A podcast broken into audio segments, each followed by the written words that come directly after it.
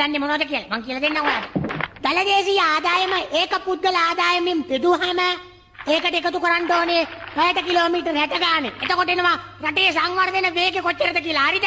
අන්න ඉකොනොමික්ස් එතකොට මන්න සතු ඊළඟ චන්දයත්ම යාර්තම දාන්නේ. ඕ එමට ආතල් කණඩ පුලන්න මේ පොලිමෙදල නෑ අවුලක් නෑ. ඔය ඒ යන විදිට මේ විදි හොඳ මට ඉති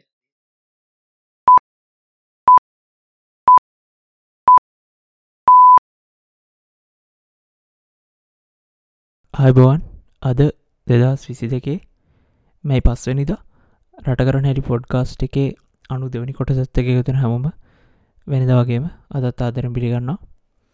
ඒ වගේම තමයි පොඩ්කාස්ට් එක අනු එක්වනි කොට සත්ත එක යුතුරු අපිත් ඒක අදහස් බෙදාගත්ත හැමෝටමත් ගොඩක් ස්තුතියි කියලා කියන්නවා ඉතින් ටික දවසක් ගිය අපේ අනු එක්වනි පොඩ්කාස්ට් එක රෙකෝඩ් කරපු දවසිඳලා ති අපි පොඩ්ඩක් කල්පනා කරා වැදගත් කියලා හිතන ටිකල් ලොකු සිද්ධියක් එනකං ටික කාලයක් හිටියොත් හොඳයි කියලා. ඉතින් එහෙම හිතාගෙන ඉන්නකොට තමයි මැයි හයවෙනිදා හර්තාල් එකක් ක්‍රියාත්මක කරනවයි කියලා ලංකාව වෘතිය සමිති ප්‍රකාශ කරන්න. ඉතිං මේ හර්තාල් කියන මාතෘකාව ගැන අපිට කතා කරන්න බලාපොරොත්තුවක් තිබ හන්ද පිහිතුවා අද හර්තාල්ලෙක් ගැන ලංකාවේ මිට කලින් හර්තාල්ල එකත් තිබුණ. ඒ හර්තාල්ලගේ ඉතිහාසය ගැන සහ මේ පාරතියන් ඩැනෙක් ගැන පොඩ්ඩක් කතා කරන්න ඕනි කියලා.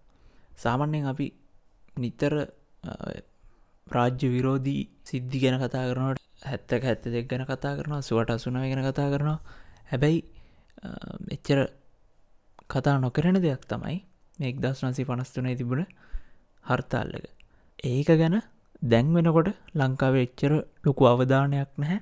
අවධානයක් තිබ්බෙන හැ නමුත් ලංකාවේ මේ මෑති ඉතිහාසේ නිදහස ලබාගත්තර පස්සේ ආණ්ඩුවට විරුද්ධව ඇතිවුණු මුල්ම රාජ්‍ය විරෝධී උද්ඝෝෂණය රාජ්‍ය විරෝධී උද්ඝෝෂණයකටත් වැඩිය උද්ඝෝෂණයකින් එහාගිය රාජ්‍ය විරෝධී ක්‍රියාමාර්ගය තමයි මේ එක්දස් නාසී පනස්තුනේ හර්තාල් කියල ගන්නේ මේ හර්තාල් කියන වචනය එන්නේ ඉන්දියාවේ එතකොට මහත්මා ගාන්ධි වගේ කට්ටියගේ අධිරාජ්‍ය විරෝධී වැඩවල වැඩ අඳුන්වන්ඩ පාවිච්චි කරපු නමක් තමයි මේ හර්තාල් කියලා කියන්න. එතකොට මේ එක්දස් නසි පනස්තුනේ සිද්ධිය ගත්තොත් හෙම ඒකට බලපාන පොඩි බැක්ග්‍රවන්් එකත්තියෙනවා දෙවැනි ලෝක යුද්ධේ සිද්ධනවා තිස් ගනංවල සහ හතලිස් ගනංවල එතකොට ඒකත් එක්ක මුළු ලෝකෙන් වගේ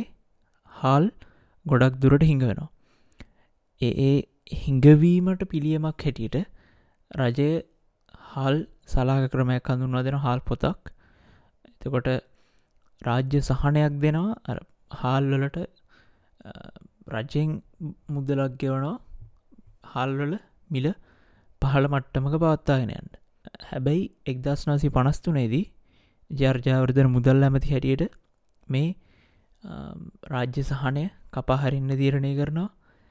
ඒතරන්නේ පාන්නත්තන් කේක්කාපන් කියනවාගේ කතාවකුත් කියල තියෙනවාලු ඇත්ත දන්න එහෙම කියල තියෙනවා ලු.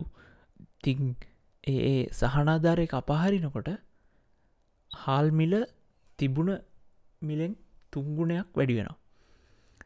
එතකොට එතන ඒකල් හේතු හැටියට දක්වන්නේ රජයේ මුළු වියදමෙන් තුනෙන් එකක් යන්නේ මේ හාල්ලට දෙන සහනාධාරය ගෙවන්ඩ කියන කාරණ ඉතින් ඒක මුල් කරගෙන සහනාධාරයන් කරනවා. එකින් හාල්වල මිල තුංගුණයකින් වැඩියනවා තුංගුණයකින් විතර වැඩියනවා සත විසි පහ තිබ්බක සත හැත්තා වෙනකං වැඩියනවා ඒ විතරක් නෙවෙයි සීනී කොට තැපැල් දුම්රිය සේවාවල් වගේ දේවල්වලට අය කරන මිලත් වැඩිවෙනවා පාසල් ළමයින්ට අර තියෙන ආහාර ඒ වැඩ අත්තරමග නවත්තනවා.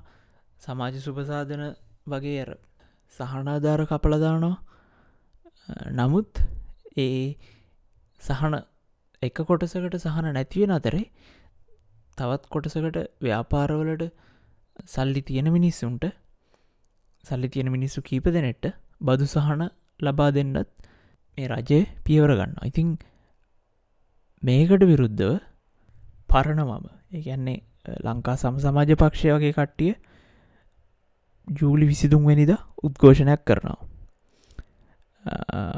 එතකොට සම් සමාජ පක්ෂේ කොල්ලුන්න අර්ධ සිල්වා එන්නෙම් පෙරේර වගේ කට්ටිය තමයි නායක වෙන්නේ. මේ උද්ඝෝෂණයට විරුද්ධ රජය පොලිසිය පාවිච්චි කරනවා. එතැන්දි යම් කිසි ගැටුමක් ඇතියනවා මේ ගැටුම මුල් කරගෙන සහ ඒ විරෝධය ඊට ලොකු තැනකට අරගෙන යන්න ඕනි කියන අරමුණ ඇතුව සම සමාජ පක්ෂයෙන් අගෝස්තු දොළොස් වනිද දවසට හර්තාල් එකක් යෝජනා කරනවා. රටපුරාම එතකොට අගෝස්තු දොළොස් වනි දාවට පස්සේ පාරවල් වහලා ටෙලිෆෝන් වර් කපලා කෝච්චි නවත්තලා රට පුරාම තිබුණු වෘතිය සමිති ගණනාවක්. වෘතිය සමිතිවලට සම්බන්ධ වුණු මිනිස්සු වෘතිය සමිතිවලට සම්බන්ධ නැති මිනිස්සු වගේ කේක පැතිවලින් ආපු මිනිස්සු රජයට විරුද්ධව හර්තාල් එකක් ක්‍රියාත්ම කරන ගැන්නේ තැන් මේ මැයි හයවෙනිදා වෙන්ඩ තියෙන වැඩේ වගේ සිතුවීමක් එක්දස් නසී පනස්තුනෙත් අගෝස්තු දොළොස් වනිද සිද්ධනවා එතකොට එතෙන්දි ටිකක් කඩාකප්පල්කාරී වැඩත් සිද්ධන එකන්නේ පොදු දේපල හානි කරන වගේ දෙවල් සිද්ධෙනවා ඉතිං ඒක මුල් කරගෙන ආයමත් ඒ හර්තාල්ලක දවසෙත් රජයයි මිනිස්සු අතර ගැටුම් ඇතියෙනවා ඒ ගැටුම් වලින් මිනිස්සු නවයක් මැරෙනවා. එකසි හැත්ත පස් දෙනෙක් තුවාලනවා කියල කියනවා. තකොට මේ සිද්ධි බොහොමයක් ඇතිවෙන්නේ බස්නාහිර පලාතේ දකුණු පලාතේ සබරගම වගේ මේ ප්‍රදේශ මුල් කරගෙන. තිං ඒක කොච්චර දරුණුවෙනවාද කියනවා නම් ඒ විරෝධය කොච්චර දැනෙනවාද කියනවා නම් කැබිනට් එක බය වෙලා ඒගොල්ල යනවා HMS නිව ෆවන්ලන් කියන නැවට. ඒ නැවේ ගිහි නැවේ හින්දල තමයි මේගොල්ලො පැයිකීපයක් රටේ රාජ්‍ය පාලනය කරන ඉච්චරට රාජ්‍ය පාලනයට දැනෙන විදිහේ හර්තාල්ලකත් තමයි මේ එක් දස් නසි පනස්තුනේ සිද්ධ වෙන්නේ. එතකොට එතින්දී රාජ්‍යමාරුවක් සිද්ධන ගැන්නේ ඩඩ්ලි සේනානායක ලෙඩ වෙනවා. ඒකත් එක්කම එයා තාවකාලික දේශපාලනයෙන් අයිංගෙනවා ඒ වෙනුවට ජෝන් කොතලාවල අගමැතිවරෑ වෙනවා. අගමැතිවරෑ වෙලා පස්සේ අවුරුද්ධ තියෙන චන්දෙන් එයා වෙනුවට බණ්ඩාරනායක ස්ඩරඩි බණ්ඩාරනායක චන්ද ජයග්‍රහණය කරලා අගමැතිවර හැටියට පත්වෙනවා හැබැයි එයා අගමැතිවර හැටියට පත්වනාට මේ හල්තාල්ලකට නායකත්වය දෙන්නේ ලංකා පරණවම. එකන්නේ එන්නම් පෙරේර කොල්ලි නර්සිලාගේ කට්ටිය. එතකොට සාමාන්‍යෙන් වාමාංචික අදහස්සල උගන්නන දේ තමයි ජෙනරල් ස්ට්‍රයික්ය හර්තාල් වගේ ජෙනරල් ස්ට්‍රයික් එකක් තියන්නේ රජයක් කෙලවන එකේ මූලික පියවරගණ්ඩ එකන්නේ රටක වැඩ කරන ජනතාව තමන්ගේ ඒ රස්සාාව එහෙමනැත්තං රට පවත්වාගෙනට තමන්ගෙන්න්න දායකත්වය නැවැත්තු හම නවත්තලා එතෙන්දි රජය සහ රට ආර්ථික අපහසුසාවට පත් කරනවා. එහෙම කරලා එතන රට කකර්මාණ්‍ය වුණහම ඒ අවස්ථා පාවිච්චි කරලා රජය පෙරලලා මිනිස්සු අතට බලය ලබා ගන්න ඕනි කියන එක තමයි ඔය වාමාංචික ඉගැන්වීමේ තියෙන්නේ. එතකොට ඒ අරමුණ වුණාට පොතේ තියෙන්නේ ප්‍රක්ටිකලි ප්‍රායෝගිකව එන්නෙම් පෙරේරලා කළේ දේශපාලනික විස්දුමක් ගණ්ඩ උත්සා කරන ඒ කියන්නේ හර්තාල් එක පාවිච්චි කරලා චන්දයක් කතා කරලා ඒ චන්දෙන් ජයග්‍රහණය කරවන්ඩ ජයග්‍රහණය කරන්න තමයි එන්නෙම් පෙරේරලා උත්සා කරේ ඒ වුනාට ඒගොල්ලං කෝ ඒගොල්ලං සංවිධානය කරපු හර්තාල්ලගේ වාසි අන්තිමටගේ ස්ඩඩ බණ්ඩාරනායක වගේ මනුස්සට ඒගොල්ලං ආපු පලට්ෆෝර්ම් එක තමයි ඔය සිංහල භාෂාව කියන ඒ අර සිංහල භාෂාව පමණයි කියන ඒ අන්තවාදී අදහස. ඒ ඒකැන ඒ අන්තවාදී අදහසත් අද ලංකාව මේ වැටිල ඉන්න තැනට එක්තරා විදිහකට වග කියන්න ඕන.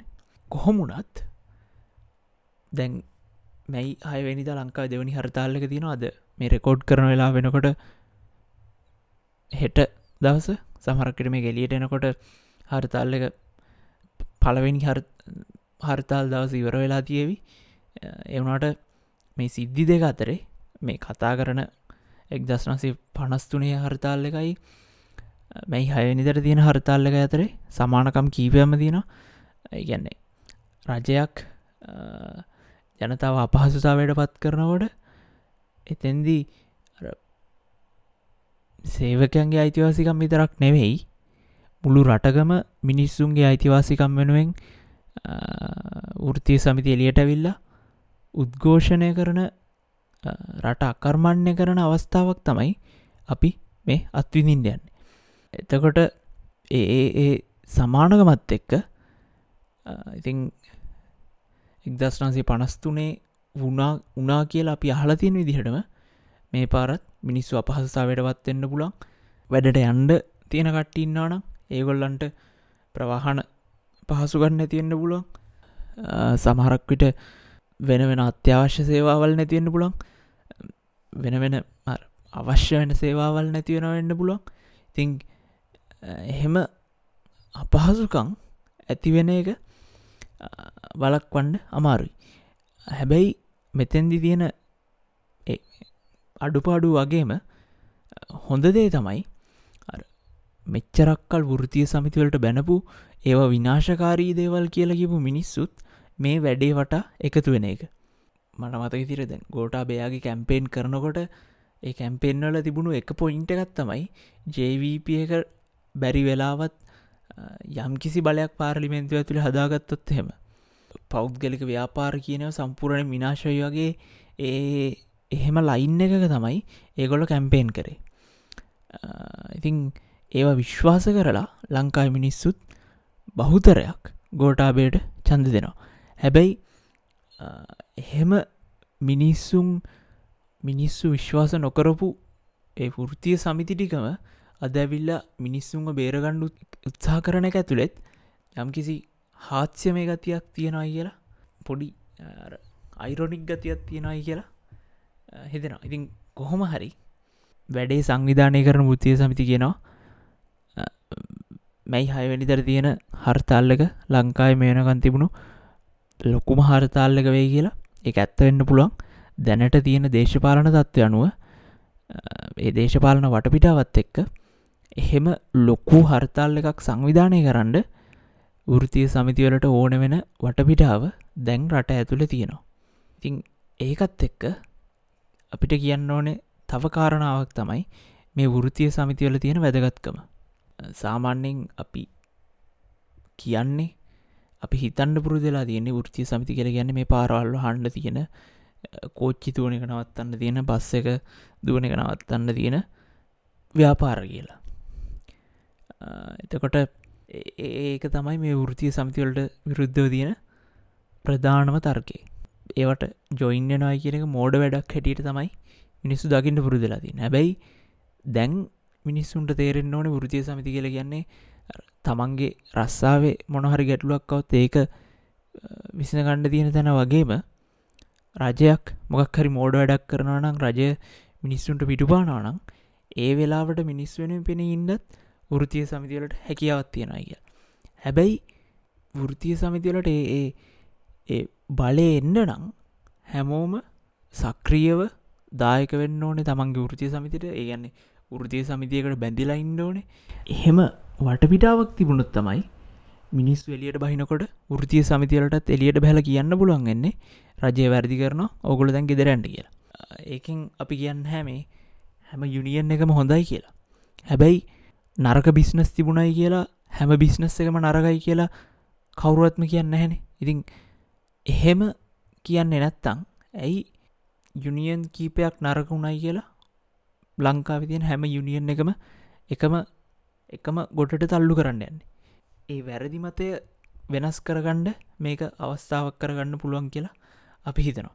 අවසාන වශයෙන් අපිට කියන්න තියෙන්නේ ෘතිය සමිති හයවෙනිදට ඒ කරන හර්තාල්ලකට අපේ සුභ පැතුම් එතනින් මේ රජයට යම් කිසි බලපෑමක් කරන්න පුළුවන්නම් මිනිස්සුන්ගේ අපේක්ෂා වෙන ජනාධිපතිවරය සහ අගමැතිවරය ඒගොල්ලන්ගේ තනතුරුවලින් අයිංකරගන්න එකට යම් කිසි උදව්වක් මේ හර්තාල්ලකින් ගණ්ඩ පුළුවන්නම් ඒක තමයි අපිට බලාපොරොත් වෙන්න පුළන් උපරිමදේ ඉතිං ඒ ඒ බලාපොරොත්තුවත් එක්ක අපි ආයමත් සුභ පදනවා හයවැනිද හර්තාල්ලකට ඒකත් එක්කම හැමෝටම ජයවේවා